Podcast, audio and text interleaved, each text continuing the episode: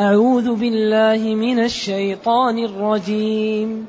بسم الله الرحمن الرحيم. آمن الرسول بما أنزل إليه من ربه والمؤمنون. كل آمن بالله وملائكته وكتبه ورسله. لا نفرق بين أحد من رسله. وقالوا سمعنا وأطعنا غفرانك ربنا وإليك المصير. لا يكلف الله نفسا إلا وسعها لها ما كسبت وعليها ما اكتسبت. ربنا لا تؤاخذنا إن نسينا أو أخطأنا. ربنا ولا تحمل علينا إصرا كما حملته على الذين من قبلنا. ربنا ولا تحملنا ما لا طاقة لنا به. واعف عنا واغفر لنا وارحمنا أنت مولانا. أنت مولانا فانصرنا على القوم الكافرين. الحمد لله الذي أنزل إلينا أشمل كتاب وأرسل إلينا أفضل الرسل وجعلنا خير أمة أخرجت للناس. فله الحمد وله الشكر على هذه النعم العظيمة والآلاء الجسيمة. والصلاة والسلام على خير خلق الله. وعلى آله وأصحابه ومن اهتدى بهداه. أما بعد فإن الله تعالى يختم هذه السورة بمناقب للمسلمين وبما أعطاهم من الفضل وبما استجاب لهم من الدعوات ثم يبين في ثنايا ذلك الكلام ما هي ما هو جزاء من انحرف ولم يستقم على على طريق المفهوم. إذا يقول جل وعلا آمن الرسول. يعني صدق واستسلم وانقاد ونفذ ما طلب منه. آمن الرسول. لأن كل هذا اللي كان يتقدم هذه أوامر ونواهي وتشريعات. ولذا بدأ على عود. لأنه البلاغة هي مطابقة الكلام لمقتضيات الأحوال. والله تعالى علمه محيط بكل شيء. فإذا بين جل وعلا لا يمكن أن يوصل إلى بيانه. فلذلك هذا الأسلوب يدل على أن السورة بدأت تختم وتبدأ الكلام يختم بما بدأ به. إذا آمن الرسول. وبداية السورة الذين يؤمنون. يعني إذا الرسول آمن ونفذ وامتثل. آمن الرسول بما أنزل إليه من ربه بالمنزل إليه أو بالذي أنزل إليه من ربه وهو القرآن والأوامر والنواهي والشريعة والكتب. قيل الكلام انتهى عند آمن الرسول بما أنزل إليه من ربه والاستئناف والمؤمنون وقيل لا آمن الرسول بما أنزل إليه من ربه والمؤمنون. هذا هو الوقف وهذا الاختيار. والمؤمنون كذلك. فإذا جعلنا الوقف عند والمؤمنون يكون التنوين كل من الرسول والمؤمنون آمن ونفذ. وإذا كان من ربه كل من المؤمنين آمن ونفذ يكون الكلام مستأنف. نعم. وهذا يدل على أن غير المؤمنين ماذا؟ لم يؤمنوا. والمؤمنون كل من الرسول والمؤمنين آمنوا بالله وملائكته بالله ربا. معبودا مفردا مفردا بالعبادة متصف بصفات الكمال والجلال. وملائكته عباد مكرمون. لا يعصون الله ما أمرهم ويفعلون ما يؤمرون. يلهمون التسبيح كما نلهم نحن النفس. خلق لا يعلم عددهم إلا الله. أعطاهم الله من القوة والجلد على العبادة. والواحد منهم قد يحمل الكرة الأرضية. جبريل لما رأوه مره عنده ستمائة جناح. ذلك لما رأوه اثنين واحد انشق وواحد مات. و و والشيطان لما جاءهم في سورة سراقة. وبعدين قالوا له أين أنت يا سراقة؟ قال لهم إني أرى ما لا ترون. وشرد عنهم يوم بدر. لأنه غرر بهم. وقال لهم أنا ضامن لكم وبين لهم فلما رأى جبريل راح للبحر وقال لهم إني أرى ما لا ترون. إني أخاف الله وهو كذاب. لو كان يخاف الله ما عمل هذه الأفاعيل. إذا آمن الرسول صدق وانقاد بما أنزل إليه من ربه بالذي أنزل إليه من ربه من الأوامر والنواهي والآداب وكل شيء. والمؤمنون كذلك آمنوا. بعدين لا يفرقون المؤمنون بين أحد من رسله بخلاف من؟ اليهود. يؤمنون ببعض ويكفرون ببعض. والذي يكفر بالبعض كأنه كفر بالكل. وقالوا يا ربنا سمعنا وأطعنا ما قلت لنا وامتثلنا أمرك. نفذنا سمعنا وأطعنا. ثم غفرانك ربنا. يعني يسمعون ويطيعون ويعملون. ومع ذلك يطلبون الغفران. كما قال جل وعلا الذين يأتون ما آتوا وقلوبهم وجلة فسألت أم المؤمنين عائشة رضي الله تعالى عنها النبي صلى الله عليه وسلم فقالت يا رسول الله يأتون ما أتوا من المعاصي؟ قال لا يا ابنة الصديق يأتون ما أتوا من الطاعات ومن الأعمال وقلوبهم خائفة أنهم لا يقبل منهم. يأتون بالطاعات ومع ذلك يخافون. أن الواحد يكون على غير إخلاص على شيء. وقلوبهم وجلة. هنا غفرانك ربنا يمتثلون ويقولون غفرانك. أغفر لنا غفرانا. يا ربنا. وإليك المرجع. المصير هذا هو النقطة التي تخوف. لأن الرجعة هذه هي اللي تتمايز فيها الناس. ناس يكونوا في الدنيا مستورين وفي الآخرة فإذا هم منازلهم في النجوم. وناس في الدنيا في في ظهور وفي الواجهة ويوم القيامة عياذا بالله لا يقام لهم وزن. لا وزن لهم. لأنهم ما صدقوا. فلا نقيم لهم يوم القيامة وزنا. من هم هؤلاء؟ ذلك جزاؤهم ذلك جزاؤهم؟ ذلك جزاؤهم ذلك جزاؤهم جهنم؟ واتخذوا آياتي ورسلي هزؤا يعني الاستهزاء من المتدينين ومن القرآن ومن الشريعة. هذا أخطر شيء أن صاحبه يختم عليه بماذا؟ بالهلاك. اللي يعصي يعصي ما بينه وبين الله. أما اللي يتخذ آيات الله ويتخذ دين الله ويتخذ عبيد الله هزء وسخري. هذا خطير جدا. ولذلك قالوا إن أبا لهب لما سارع للتكذيب أبعد. لما قال له ابن أخيه أرأيتم إن دعوتكم إلى خيل وراء هذا الجبل صدقتموني؟ قالوا نعم. قال إني نذير لكم بين يدي عذاب شديد. قال تبا لك ألسائر اليوم دعوتنا؟ أنت ابننا وربيناك كيف أنت تقول لنا هذا الكلام؟ ما يستوعبوا قال له تبت يدا أبي لهب وتب. عياذا بالله يسمع سيصلى نارا ذات لهب ولا يمكن أن يقول لا إله إلا الله لأن الله حال بينه وبينها. نرجو الله السلام والعافية.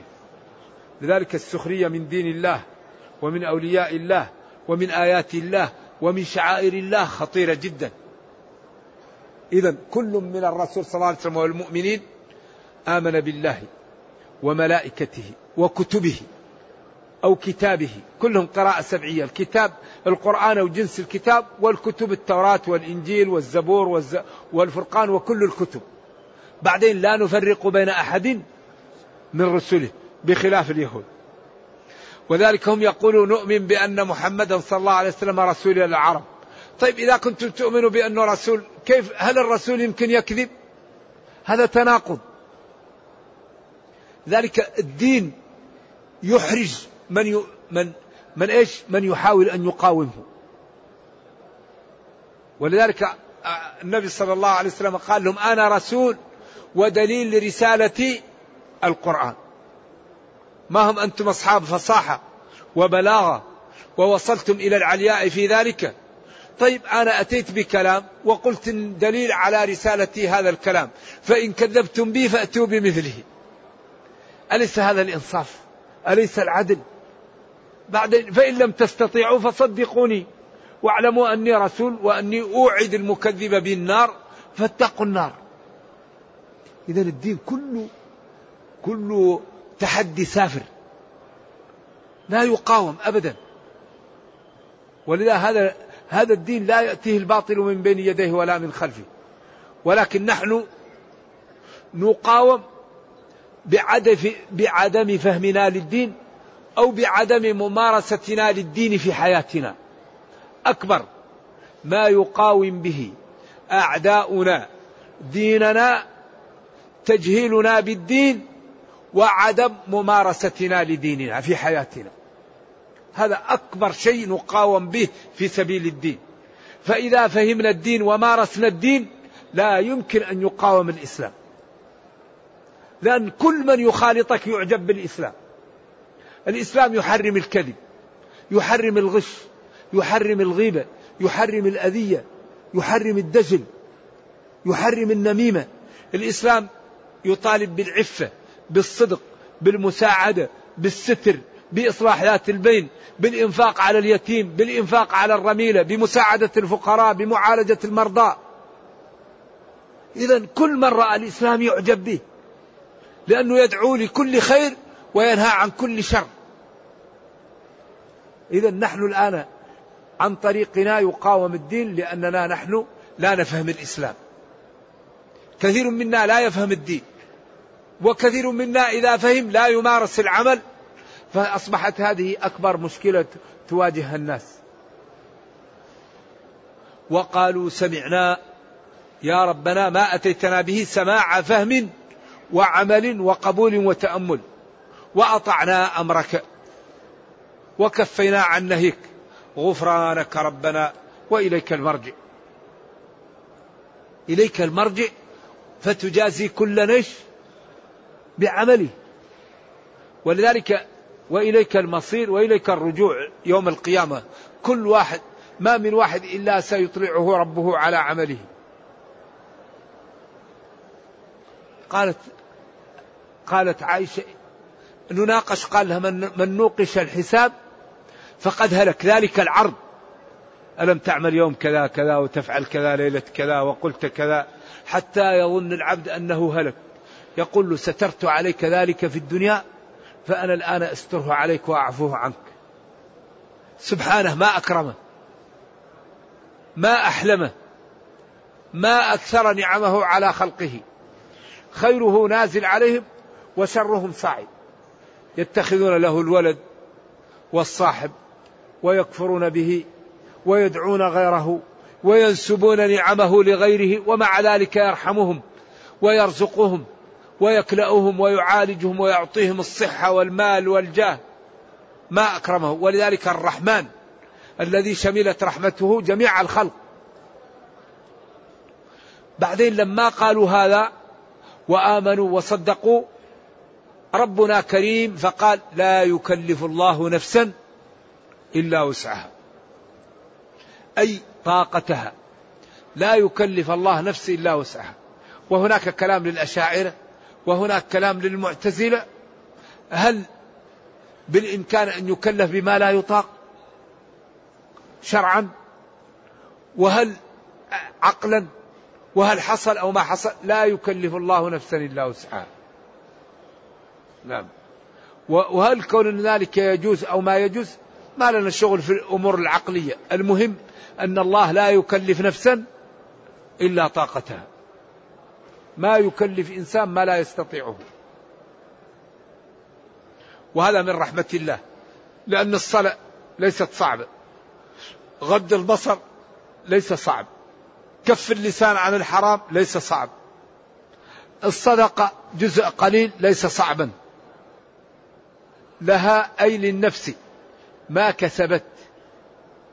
يعني فجعل الأعمال الصالحة كأنها غنيمة لها. وقال كسبت.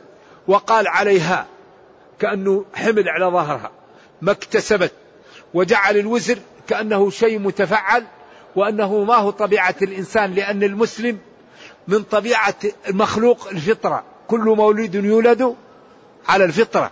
لذلك الإنسان إذا سلمت فطرته العبادة سهلة عليه لكن الذي تسمم فطرته هو اللي تكون الصلاة صعبة عليه. لذلك الخاشع ما يجد تعب في الصلاة. لكن غير الخاشع قل له تعال صلي أو تعال أذهب معي إلى إلى إلى 100 كيلو يقول لك طيب حاضر نذهب معك بس اكفيني من الصلاة. لأن الله قال وإنها لكبيرة وإنها لكبيرة مؤكدان. واستعينوا بالصبر والصلاة وإنها لكبيرة إلا على الخاشعين. الذي لا يخشع لا يتحمل الصلاة وبالأخص الصلاة الغير فريضة لأن الفريضة المسلم ما يقدر يتركها. لكن المسلم النافلة إذا لم يكن خاشع تكون ثقيلة عليه. بخلاف الخاشع إذا قام في الليل يصلي يقوم وهو إيش؟ نشط فرح جذل. ينادي ربه ويصلي لله. ولذلك كان صلى الله عليه وسلم أعز شيء عليه ماذا؟ الصلاة. وجعلت قرة عيني أرحنا بها يا بلال. لأنه يخشى الله. لذلك الصلاة صعبة جدا على غير الخاشعين. وإنها لكبيرة إلا على الخاشعين. لها ما كسبت من الخير وعليها ما اكتسبت من السيئات وقال ما كسبت لأن الكسب سهل الحسنات. وجعل الاكتساب كأن فيه نوع من التكلف والتعب. وجعل الذنوب كأنها حمل على ظهره. وجعل الحسنات كأنها غنيمة له. ثم ثم هنا لما وصل إلى هذا كأنه قال اسألوا تعطوا وما حاجتكم؟ قالوا ربنا لا تؤاخذنا.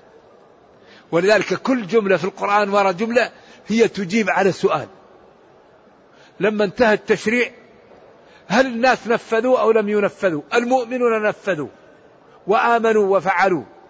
والله كريم لا يكلفهم إلا طاقتهم. وربهم مدحهم. إذا ما دام ربهم رضي عنهم فليسألوا ما يحتاجون إليه. فقالوا ربنا لا تؤاخذنا. يا ربنا لا تؤاخذنا. المؤاخذة هي العقوبة وهي المساءلة عما يفعل الإنسان. إن نسينا أو أخطأنا. النسيان هو أن يكون الحفظ زال عنك ولكن إذا نبهك قد تتذكر. والخطأ هو أن تظن أن الشيء صح فتعمله خطأ. مثلا إنسان ذهب يقنص ورأى شيء ظنوا غزال فوجد فوجدوا ما هو غزال مثلا؟ وجدوا إما دابة لشخص أو أو شخص نفسه فأخطأ فيه. هذا يسمى الخطأ. والنسيان هو أن الإنسان يكون يحفظ الآية فإذا تركها مدة ينساها أو يحفظ الشيء فينساه. إذا يا ربنا لا تؤاخذنا إن نسينا أمرا فلم نقم به أو نسينا نهيا ففعلناه أو أخطأنا في عمل فقال الله قد فعلت. ربنا ولا تحمل علينا إصر. الإصر هو الثقل والشدة التي كانت على من قبلنا. كانوا إذا عملوا معصية لا يقبل منهم إلا بقتل أنفسهم. إذا تنجس الثوب لا يقبل إلا إذا قطع مكان النجس. إذا تنجس الجلد تقطع مكان الجلد. كان عليهم آثار وأغلال. فنحن رفع عنا الآثار. لا تحمل علينا إصرا. قال قد فعلت. ربنا ولا تحملنا ما لا طاقة لنا به. أي ما لا نستطيعه من التكاليف. قال قد فعلت. واعف عنا قد فعلت. واغفر لنا قد فعلت. أنت مولانا. أنت التي توالنا وتعطينا وتدفع عنا وتنصرنا. قد فعلت. فانصرنا على القوم الكافرين. وقال جل وعلا قد فعلت ذلك. لذلك هذه الآية قالوا إن النبي صلى الله عليه وسلم لم ينزل عليها جبريل وإنما جاءته. أوحى الله إليه. ولذلك قالوا من قرأها في ليلة كفتاه هاتان الآيتان. كفتاه تحفظه من الشياطين وكفتاه عن قيام الليل. ولذلك أعطيت يعني من خزائن تحت العرش خواتم سورة البقرة وفاتحة الكتاب. لم يوجد مثلهن. ولذلك ينبغي للإنسان إذا أراد أن ينام يقرأهما. آمن الرسول بما أنزل إليه من ربه. و إن شاء الله الليلة نختم هذه الدروس المباركة التي نرجو الله جل وعلا أن ننتفع بها جميعا إلى بعد الحج. ونرجو الله أن يكتب لنا ولكم من يريد أن يحج يكتب له حجا مبرورا. والحقيقة الذي يريد أن يحج ينبغي في هذه الأيام الخمسة أن يرشد. هي خمسة أيام. الثامن والتاسع والعاشر والحادي عشر والثاني عشر لمن يريد التعجل. فهذه الأيام المسلم فيها يترك الجدال والرفث والفسوق ويحاول أن يكثر من ذكر الله والاستغفار ويتكلم بالخير أو ليسكت ويحاول أن ينتج في هذه الأيام لأن الذي يكتب الله له حجة ويستقيم يخرج من ذنوبه. يخرج لا ذنب له.